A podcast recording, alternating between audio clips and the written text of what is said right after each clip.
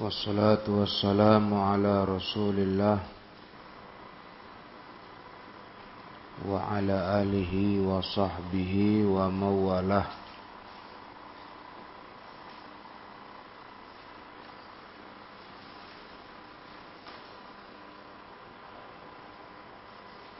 Ayat berapa kita lanjutkan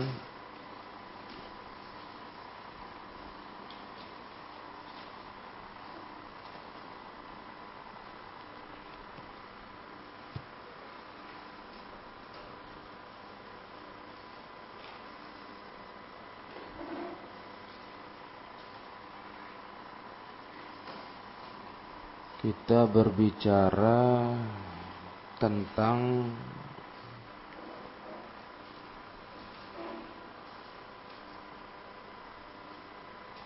kisah perang Khandaq ya. Betul. Perang Khandaq.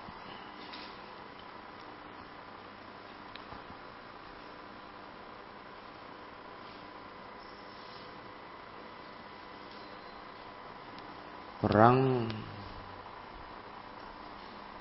gabungan pasukan penyembah berhala musyrikin dengan para kufar Yahudi untuk menghancurkan kaum muslimin di kota Madinah. maka dinamakan dengan Al-Ahzab.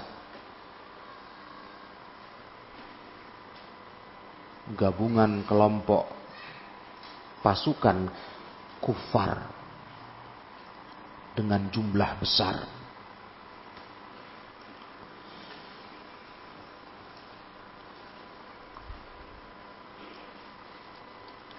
Saking mengerikannya suasana waktu itu apa kata Allah?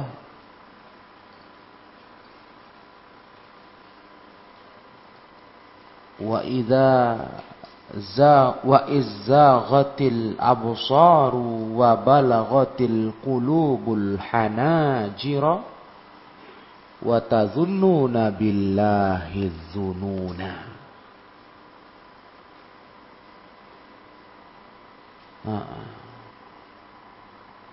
Sampai begitulah keadaannya waktu itu. Ini sudah kita baca tafsir ya kan?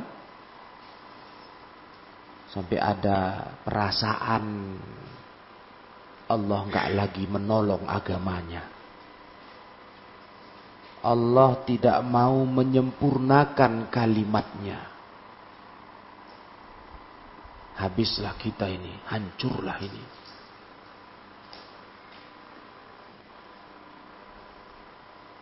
Hunalika btuliyal mu'minuna wa zulzilu zilzalan syadida.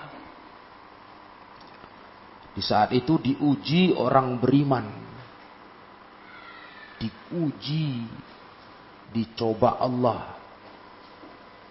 Jujur tidak iman mereka. Wa zulzilu zilzalan syadida. Digoncang dengan goncangan yang keras. Mengerikan waktu itu ya. Ibaratnya kayak putus asa para sahabat Nabi. Bagaimana ngadapin pasukan gabungan sebanyak itu? Hmm. Dikeroyok istilahnya, ya kan? Dikeroyok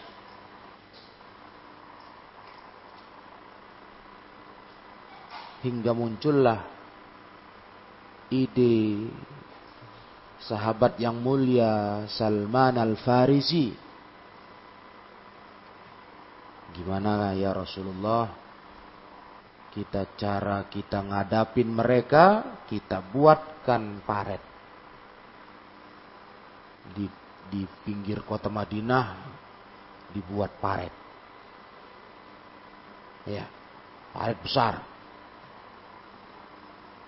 Itu metode yang biasa dipakai di Persia.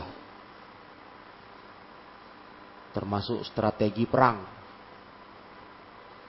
Akhirnya Rasulullah setuju. Dibuatlah parit tersebut bergotong royong. Maka pasukan musyrikin Yahudi nggak bisa masuk menyerang kota Madinah karena terhalangi parit. Akhirnya mereka menggunakan strategi mengepung Madinah. Dikepung. Berapa lama waktu itu? Hah? Hampir sebulan, 27 hari. Dikepung supaya nggak ada bisa masuk makanan, bantuan. Tapi Allah tabaraka wa taala di ayat yang keberapa itu? Kesembilan. Allah bilang apa? Fa'arsalna alaihim riha wa junudan tarauha. Kami kirim kepada mereka angin. Tahu-tahu malam-malam datang angin kencang. Memporak-porandakan, menghancurkan kemah-kemah mereka. Terbang-terbang alat-alat mereka, periuk-periuknya, wah, datang angin angin puting beliung ya. Kucar kacir mereka berantakan. Nah, Allah kirim lagi para tentara yakni malaikat yang mana orang-orang musyrikin Yahudi tidak melihat mereka. Begitu yang sudah kita baca Jadi cobaan yang Allah berikan kepada Rasul dan sahabat waktu itu ya untuk menguji orang beriman apakah mereka jujur dalam imannya? Dan di situlah terbongkarnya semakin nampaknya orang-orang munafikun Allah berkata apa di ayat 12? Wa idh yaqulul munafiquna walladzina fi qulubihim maradum ma wa'adana Allah wa rasuluhu illa ghurura. Aha, terbongkar. Ingatlah ketika berkata orang-orang munafikun dan orang-orang yang di dalam hati mereka ada penyakit. Apa kata mereka? Munafikun dan orang yang hatinya berpenyakit. Tidaklah Allah dan Rasulnya menjanjikan kepada kita kecuali itu hanya menipu saja. Janji bohong katanya. Hurura. Nah. Tengok nih ha. Katanya kita ditolong, dijanjikan pertolongan Allah. Dibela Allah. Ha ini tengok nih. Udah hampir mati kita ini, di mau dihajar ini sama pasukan gabungan. Nah, begitulah. Kalau orang-orang beriman tegar, tegar, kokoh. Berpikir bagaimana kita hadapi mereka. Orang beriman dikepung begitu, dikeroyok, oh siap, siap mati mulutnya terjaga. Lah kalau munafikun ngoceh mulutnya. Hah? Nah. Heboh mulutnya. Ah ini janji Allah kosong nih. Janji Allah nipu nih. Rasulullah nipu kita. Ah kita udah mau habis ini. Mau dihabisi oleh pasukan gabungan di luar sana. Makanya kata Syekh As-Sa'di Wahadhi adatul munafik inda syiddati wal mihnah. Beginilah adat kebiasaan munafik kalau sudah syiddah, kondisi berat dan waktu diuji Allah. Mihnah. Ini kebiasaan munafikun. Kalau udah terjepit, udah terasa mau mati, terasa mau kalah, ah mulailah mulutnya begini. Aduh. Ribut-ribut-ribut saja. Ya karena mereka sangat cinta dunia. Mereka itu budak-budak dunia dan takut mati. Jadi kelihatan sudah. Yang tenang menghadapi keroyokan ini biasa, nggak ada heboh. Ini orang beriman. Makin mantap dengan iman. Tapi yang ribut, gerusak gerusuk, bisik sana, bisik sini. Oh, pokoknya heboh lah. Nah, ini orang munafikun. Ya. Begitulah kebiasaan mereka. Layas but imanu. Tidak kokoh imannya. Wayanzur biaklihil qasir. Memandang hanya dengan akal pendeknya saja. Enggak dia pikir ada apa di balik kepungan, serangan, keroyokan musuh-musuh Islam ini. Nah,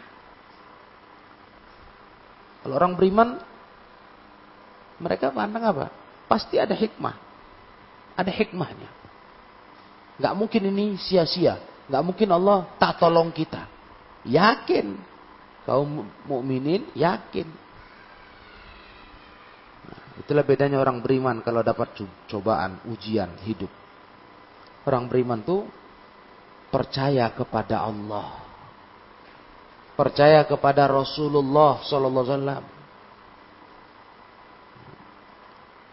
Kalau orang-orang munafikun akalnya pendek, memandang dengan akalnya akal pendeknya ilal halatil qasirah kepada keadaan yang pendek pula, yakni ya dia hanya pandang masalah saat itu saja. Enggak dia pandang ke depannya, hikmahnya. Coba.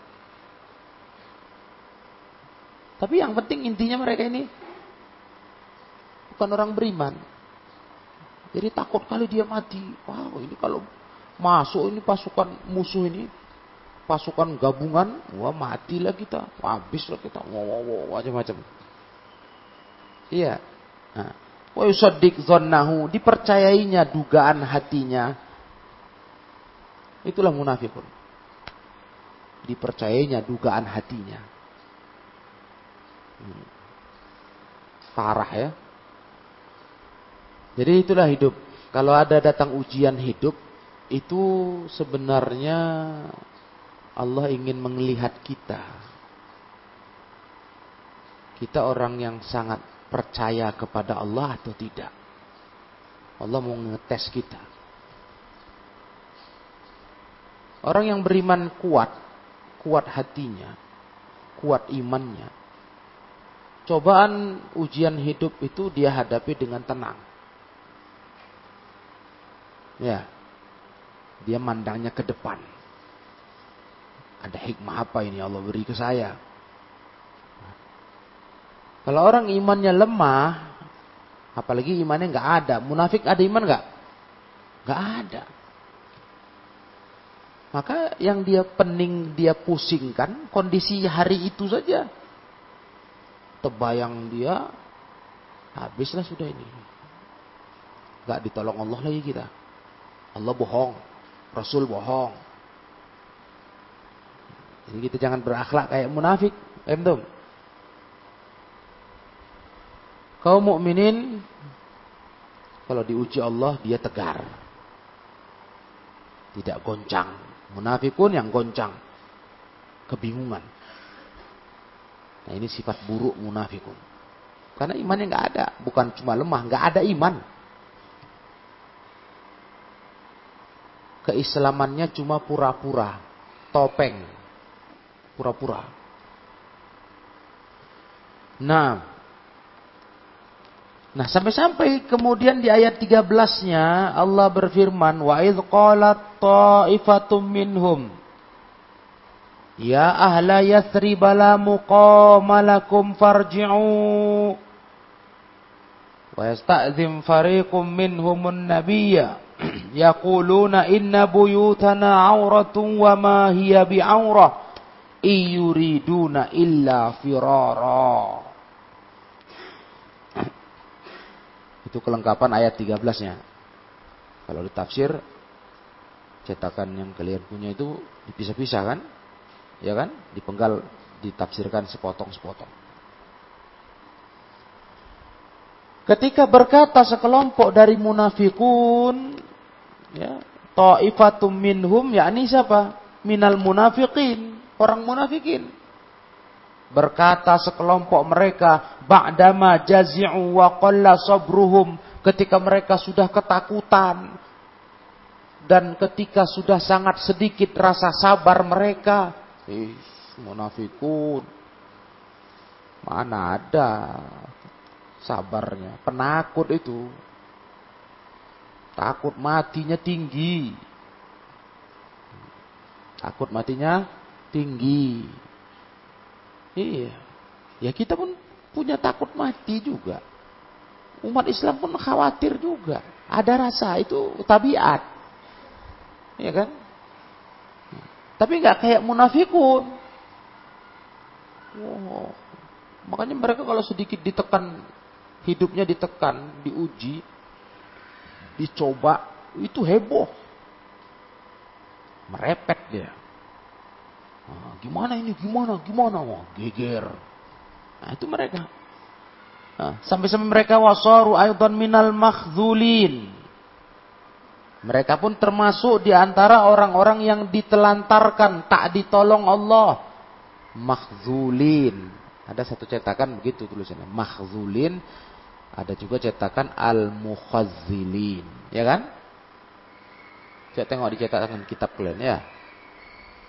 Ada ditulis mukhazilin, ada mahzulin. Orang-orang ditelantarkan, dibiarkan, nggak ditolong. Hmm. Fala sobaru abi anfusihim wala tarakun nasa min syarrihim. Nah, mereka tidak mau sabar dengan diri-diri mereka. Nah, tidak pula mereka meninggalkan manusia dikarenakan jahat mereka.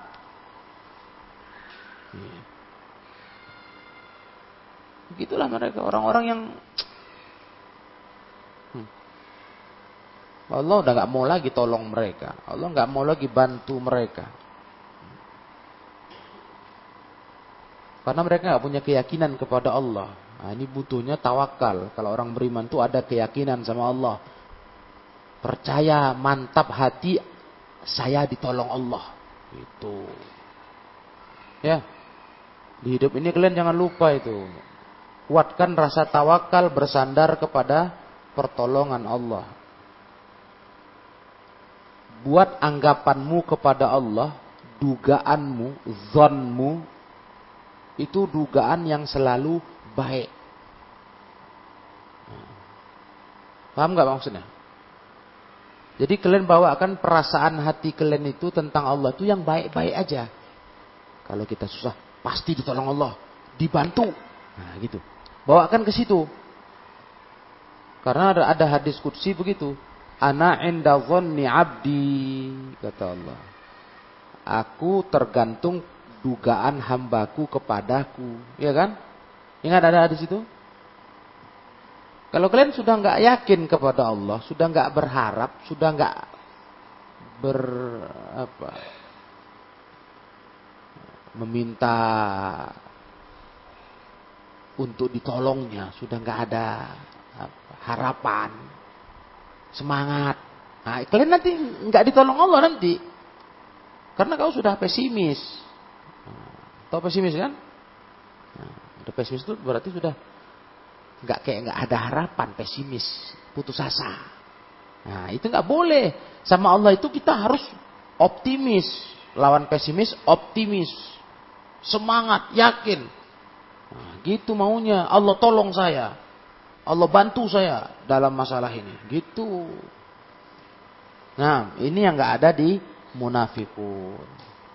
Makanya faqalat hadhihi ta'ifatu ya ahla Yasriba. Maka berkata kelompok ini yakni munafikun, hai penduduk Yasrib. Maksud mereka penduduk Madinah. Hei penduduk Yasrib. Dulu Yasrib. Nama kota Madinah. Yasrib. Ya. Fanadauhum bismil watanil munbi anitasmiyah fi anitasmiyah. Mereka panggil dengan nama nama negeri. Ya, Yasrib itu asal kata nama Madinah Yasrib. Al-Munbi Anitasmiyah. Yang memang nama itu yang ada dari penamaan kota itu dulu. Makanya di dalam catatan kaki ada cetakan Al-Munbi yakni Al-Hadirah. Ya. Betul itu?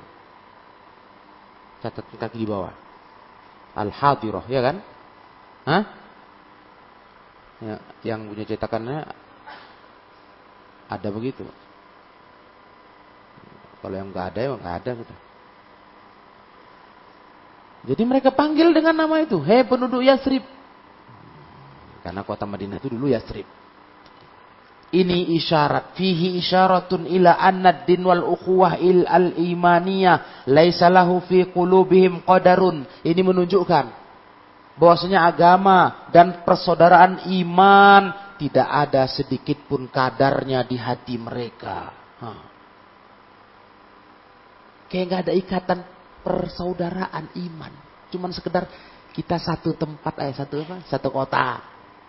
Nah, jadi bicaranya itu cuman karena kita satu kota, satu apa ya, satu wilayah gitu. Bukan karena kita satu ikatan saudara. Makanya manggilnya, hei penduduk Yasrib. Ya kan? Dia tidak membawakan dirinya kepada orang beriman, para sahabat Nabi, kaum munafikin itu, dengan para sahabat. Enggak, bahasanya enggak bahasa persaudaraan iman. Hmm.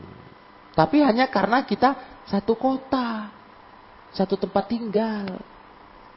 Cuma gitu aja. Nah itulah dia. Enggak ada nilainya di hati mereka masalah agama dan persaudaraan iman. Enggak ada. Kosong di hatinya orang-orang munafikun. Tak ada.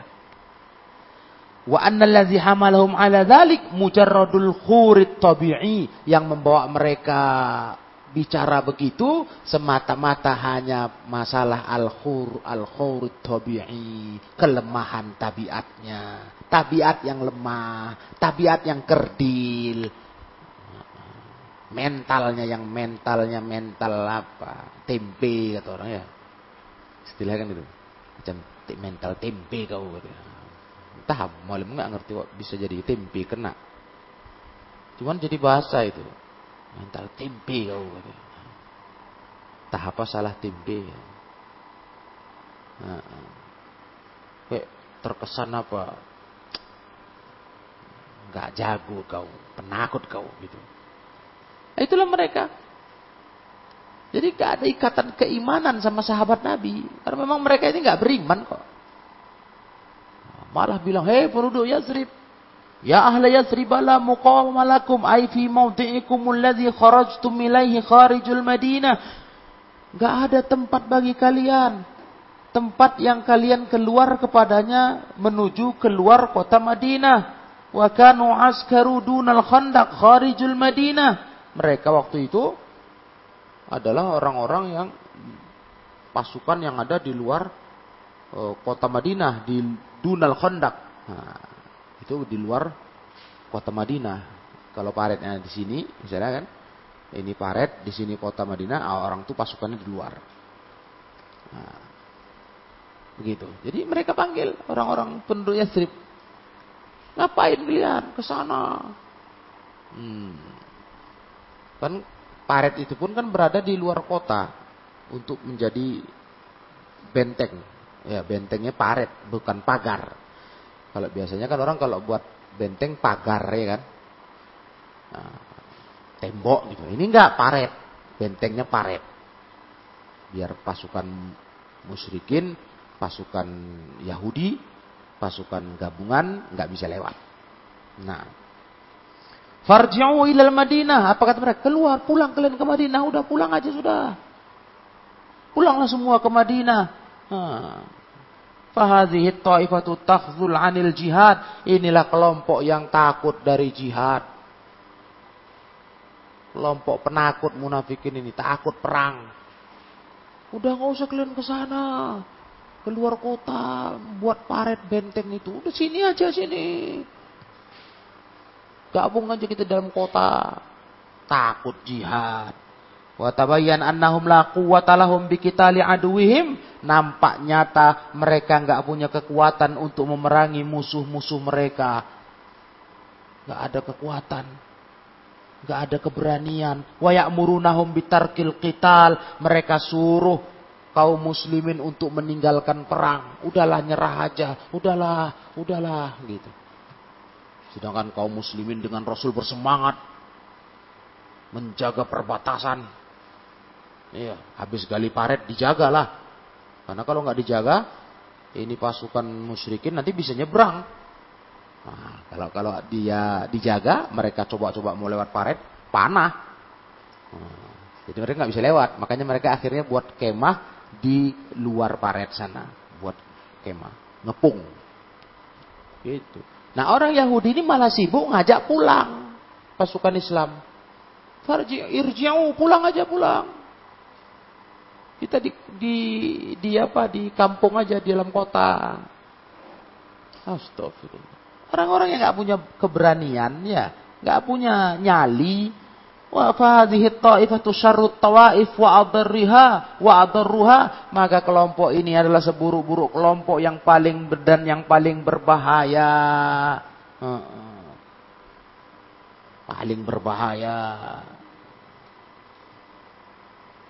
Tak berani. Ada beraninya sama sekali.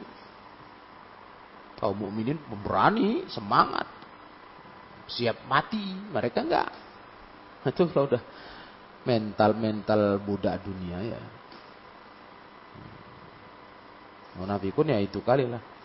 Ditambah imannya enggak ada. Itu yang paling inti, imannya enggak ada. Nah, maka kata Syekh wa ta'ifatun ukhra ada pula kelompok lain dunahum selain mereka Selain munafikun itu asobahumul jubunu wal jaza'u wa ahabbu ayyan khazilu anis sufuf. Ada lagi kelompok lain, jenis lain dari kelompok munafikun itu. Kelompok yang ditimpa ketakutan al-jubun wal jab wal jaza' ketakutan yang berlebihan. ada juga lagi itu. Yang mereka ingin untuk ayyan khazilu anis sufuf, mereka mundur dari pasukan perang. yang udah bergerak ke ke ke, apa? Ke pinggir paret hondak nah, ada juga di situ yang mati ketakutan. Waduh jangan-jangan nanti mereka bisa lewat pasukan itu pasukan musuh. Jangan-jangan. Nah jadi berpikir gimana caranya dia lari mundur dari pasukan barisan anis sufuh hmm. Faja'alu ya'tazirun bil azaril batilah mereka pun mencari-cari uzur dengan uzur-uzur yang batil. Aduh, kebiasaan mereka ya kan? Kebiasaan mereka di tafsir surah At-Taubah mereka buat juga begitu. Cari uzur untuk enggak ikut perang. Hah? Itu waktu perang apa? Di tafsir kajian surah At-Taubah. Perang? Perang? Tabu. Nah, ini perang kondak Cari-cari alasan. Nah, gimana bisa mundur, bisa pulang ya. Mau cari-cari alasan meminta sama Nabi izin. Eh, itulah mereka. Hah? Wahumul ladzina faja'alu ya'taziruna bil batilah. Mereka pun cari uzur dengan uzur batil. Wahumul ladzina qala Allahu fihim. Mereka itulah orang yang Allah katakan tentang mereka. Wa yasta'zinu fariqum minhumun nabiyya yaquluna inna buyutana aurah. Minta izin sekelompok dari mereka kepada Nabi. Uzurnya apa? Aduh ya Rasul, sungguhnya rumah kami aurah. Aurah maknanya alaihal khotor. Ada rumah kami bahaya, kosong. Maksudnya itu aurah itu kosong, jadi bahaya, nggak dijaga. Nah. La ilaha illallah. Saking penakutnya perang, cari alasan pun yang lucu-lucu. Lucu nggak? Kenapa rupanya rumah kau? Kalau kosong kenapa rupanya? Itu menjadi alasan. Kalau perang tabung ada yang ingat? Apa alasan mereka nggak ikut perang?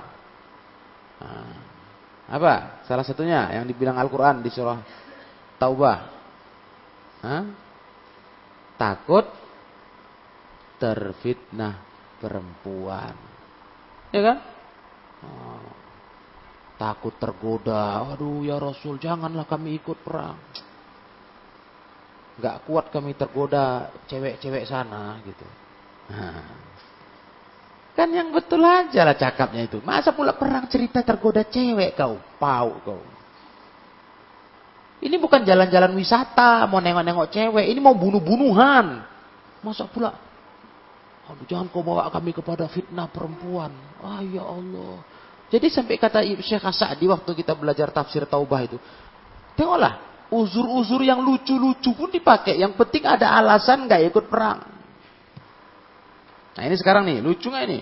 Rumah kami kosong ya Rasul. Terus kenapa? Memangnya kalau rumah kau terisi, kau jaga, ha?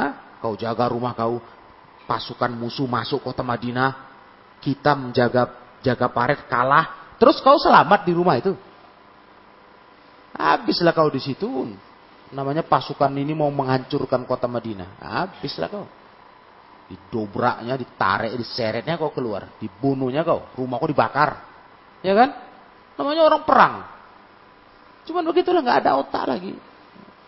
Nah, bilang pula rumah kami kosong ya Rasul, alaihal khatar, jadi bahaya kalau nggak kami jaga. Wa nakhafu alaiha ayah, juma alaiha la'ada. Kami khawatir rumah kami diserang musuh. La ilaha illallah. Apanya orang-orang ini? Lucu ya? Ngerti nggak kalian? Lucunya alasannya. Sekarang yang terpenting itu apa? Kita jaga di Paret itu kita jaga, jangan sampai musuh lewat. Hmm. Kalau sempat mereka lewat, rumah kita di sini, mereka masuk kota, habislah rumah kau mau kau jaga, mau kosong, habislah. Namanya musuh udah masuk kota. Dibongkarnya lah rumahmu didobraknya, istrimu, anak perempuanmu diambilnya jadi budak, kau dibunuhnya, iya namanya perang. Mana ada cerita rumah tertutup aman, mengerti? Mana cerita? Nah, kalau sempat mereka masuk kota, udah ben, udah berkuasa, habislah penduduk kota itu. Jadi ngapain kok rumah kau jaga? Kan lucu kali, ini nggak nyambung ini orang, ya kan? Nah, ini kalau ibaratnya kita kita apa menjaga bendungan Jangan jebol karena banjir, air mau masuk. Kalau jebol bendungan, masuklah dia ke perumahan kita. Nah, kita rame-rame jaga bendungan. Jangan jebol. Tahu-tahu ada orang bilang, aku jaga rumah aja lah. Nanti kalau aku jaga masuk air. Eh. Kau jaga rumah kau pun kayak mana pun. Kalau jebolan bendungan itu jebol, rumah kau habis rumah kita semua kena. Kan gitu kan? Kalau orang sehat. Karena intinya sekarang bukan rumah itu mau dijaga, tapi bendungannya. Nah, itu. Sama kayak tadi. Yang intinya mau dijaga bukan rumah masing-masing, tapi paretnya, jangan musuh lewat. Kita jaga. Nah, kalau mereka lewat, masuk kota, habis kita semua. Nah, inilah aneh-anehnya alasan munafikun. Memang orang-orang yang lucu-lucu ini. Nah, tapi sok pinter, seringnya sok pinter ya kan. Kalau di Al-Quran kita banyak kali nengok mereka sok pinter, sok pandai. Padahal bodoh. Itulah munafikun itu. Nah, wanah ghayyabun anha, itu alasannya tadi. Nanti rumah kami ya Rasulullah kami takut diserang musuh, sedangkan kami ghayyab, tidak ada di tempat. Nah, coba lucu kan. Aneh gak tuh? Memangnya kalau dia di tempat, di rumah, kira-kira bisa dia jaga rumah itu kalau musuh sudah masuk kota? Bisa? Mana bisa? Didobrak walaupun kau kunci rumah kau cekrek, didobrak lah namanya yang masuk pasukan musuh. Satu rumah bisa sampai 10 orang yang mendobraknya. Habis kau, kau sendiri jaga rumah. Nah, cuma masuk akal, masuk akal tuh. Kami nanti rumah kami diserang musuh ya Rasul, rumah kami kosong. Jadi kami pulang ya. Kan mau mundur nih dari pasukan, ya. Fa'zan lana narji ilaiha risuha. Ya Rasulullah izinkan kami, kami pulang ke rumah kami, kami jaga. Nahrisuha, kami jaga ya Rasul. Aduh, apalah cara pikirnya, nggak ngerti kita ya. Untuk apa kau jaga rumah kau? Yang kau jaga perbatasan itu. Istilah kita pintu gerbang itu jaga. Kalau kalau kita bentuk bentengnya pintu gerbang misalnya, ya kan? Umpamanya nah, pintu gerbang atau oh, pagar itu dijaga. Karena musuh nggak bisa masuk ke kota kalau nggak lewat itu, nggak bisa. Jadi kita jaga aja yang paling inti. Nah, pintu masuk jaga. Di situ kita kumpul menjaga. Siapa musuh mendekat, panah. Nah, gitu. Bukan rumah di di belakang benteng dijaga, ngapain? Hmm. Paham gak ini kalian? Untuk apa rumah kau jaga? Kalau kau betul-betul khawatir rumahmu itu. Benteng tuh jaga. Ya, di situ kita jaga ketat. Makanya kata Syekh, wahum kadzibatun fi Mereka itu dusta Ya memang alasannya memang sekedar cari-cari saja. Dusta mereka itu. Wa ma huwa bi hiya bi auratin. Tidaklah rumah itu aurah, tidak ada urusannya itu. Gak ada bahaya, gak ada kosongnya segala itu. Alasan aja itu. Bohong. Karena cari alasan lain gak ada. Jadi buat alasan walaupun yang bohong, yang lucu. Lucu itu. Nah, lucu gak? Nah, udah cari alasan udah bingung untuk jangan berjihad. Nah, iyuridu na'aima qasduhum illa firoro. Mereka tidak ingin kecuali tujuan mereka hanya firoro, mau lari dari medan perang. Iya. Intinya mau cari selamat, uh, mau lari. Walakin ja'alu hadzal kalam wasilatan wa udhran. Mereka jadikan cakap ini menjadi perantara, menjadi uzur. Walaupun uzur yang tidak masuk akal. Ya. Tidak masuk akal. Nah. Uzur yang malah kita bisa bilang di sini kalau kita baca ini ya uzur yang lawak-lawak ini. Lucu. Ya kan? Uzur yang lucu. Iya. Tapi memang gak tahu malu dah. Itu pun dijadikan alasan. Alasan rumah kosong perlu dijaga. La ilaha illallah. Apa otaknya ke mana ya?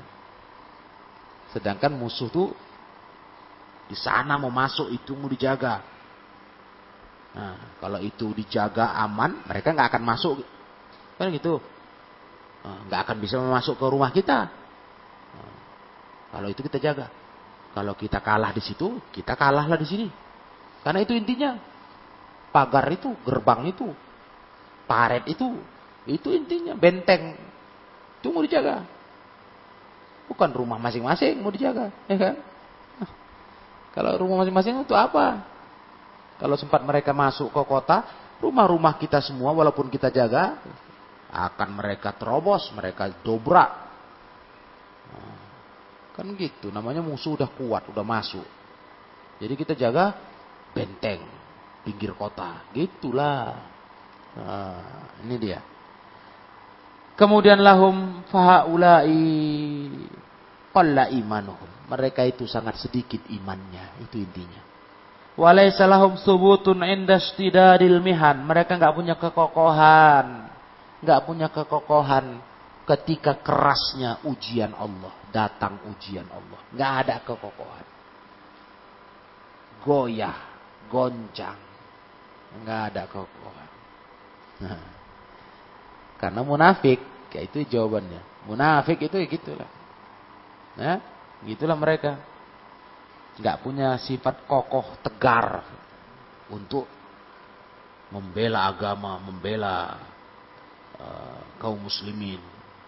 nggak ada rasa persaudaraan, bela kawan, ah, bela keluarga kawan, nggak ada, ah, nggak ada. Mereka nggak punya sikap uh, ukhuwah imaniyah, nggak ada. Nah, paham ini sampai di sini ngerti nggak? Nah, jadi sifat munafik ini penakut, pengecut, penakut, pengecut, Takut kali sama hartanya, takut kali sama kebunnya, takut sama nyawanya, nggak ada peduli sama saudaranya. Ini sifat-sifat busuk munafikun. Mau cari selamat sendiri, ya.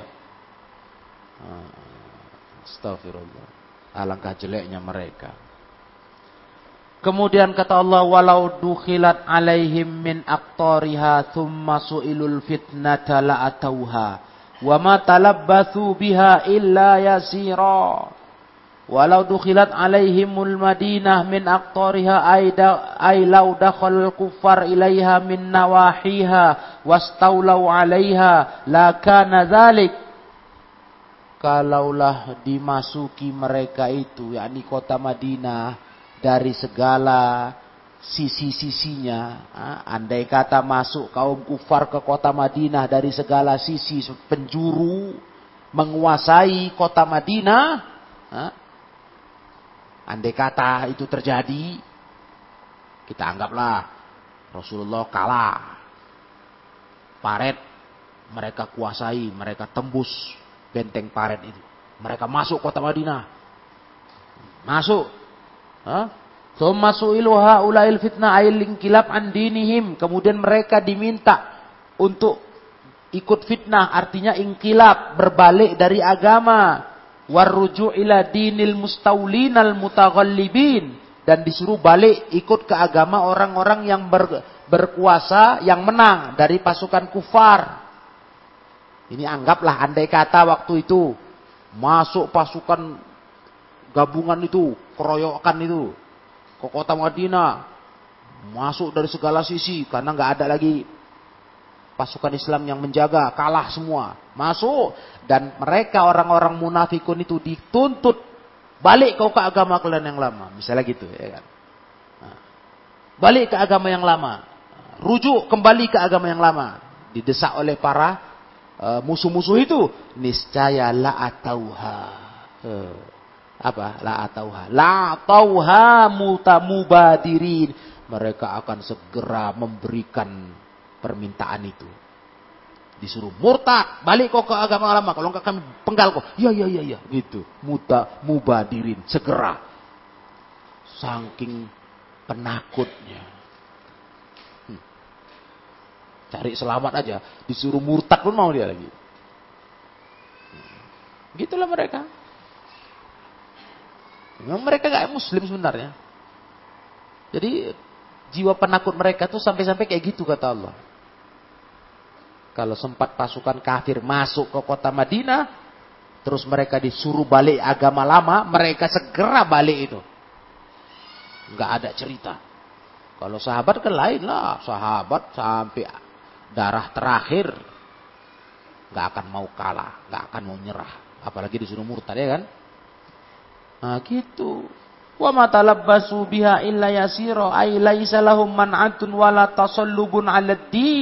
Mereka enggak menunggu lama untuk balik-balik murtad ke agama kecuali sebentar saja. Artinya laisa lahum man'atun wala tasallubun din. Mereka enggak punya keteguhan, kekokohan di atas Islam. Enggak teguh, enggak kokoh. Iya bal bimujarradi ma takunu daulatul ad-daulatul la'da yu'tunahum ma talabu. Bahkan semata-mata karena kekuasaan sudah dikuasai musuh ya musuh berkuasa mereka berikan tuntutan musuh itu sesuai yang diminta mereka. Kalau musuh nyuruh balik kau ke agama lama? Iya. Nurut aja. Karena nggak punya keteguhan iman ya pasti akan diturutinya permintaan musuh-musuh itu. Wa yuwafiqunahum ala kufrihim akan sepakat mereka dengan kekafiran musuh-musuh Islam itu. Hazihi haluhum. Inilah kondisi mereka. Mentalnya kayak gitu. Ya, kata-kata orang mental bunglon, tahu yang bunglon? Eh? Mentalnya yang penting menyesuaikan situasi kondisi. Bunglon kan gitu kan? Inggap di daun, warnanya sewarna daun hijau. Hinggap ke batang, warnanya berubah warna batang pohon coklat. Gitu. Bunglon gitu kan? Nah, pokoknya menyesuaikan dia. Cuman mulia bunglon. Bunglon kayak gitu karena dia berstrategi supaya jangan ketahuan sama pemangsa. Satu lagi supaya dia bisa memangsa musuh. Jadi musuhnya nggak tahu dia. Tahu-tahu udah diterkamnya aja musuhnya, dimakannya kan itu kan? Nah, masih paten bunglon daripada munafikun. Iya. Nah, tuh berubah-berubah untuk bisa menyerang musuh. Jadi dia nyamar dia. Dipikir musuhnya nggak ada dia karena warnanya kayak batang pohon. Dia hinggap di pohon. Nah, musuh nggak tahu. Mendekat musuhnya dicaploknya. Nah, itu. Ya kan, munafikun nggak begitu. Hmm. Munafikun ini penakut-penakut al-makhzulin, mukhazilin. Orang nggak ditolong Allah mereka. Ya. Nah, jadi begitulah pelajaran kita di ayat sampai ayat ke-14. Ya. Ayat 14 kan itu?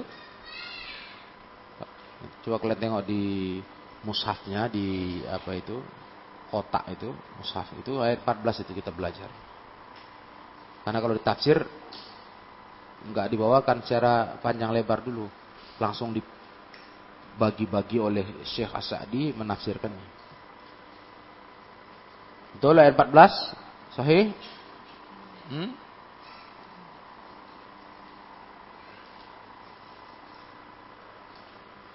Sudah? Ah, Haris. Dapat nggak?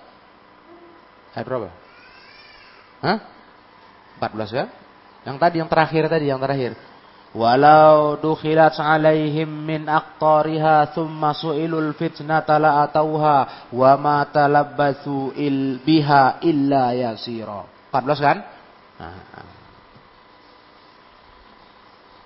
Jadi pelajaran kita sampai ayat 14. Nanti kita lanjutkan yang berikutnya di ayat 15 insyaallah. Taib ilahuna. Wallahu alam bisawab. Subhanakallahumma wa bihamdik. Asyhadu an la ilaha illa anta astaghfiruka wa atubu ilaik. Walhamdulillahi rabbil alamin.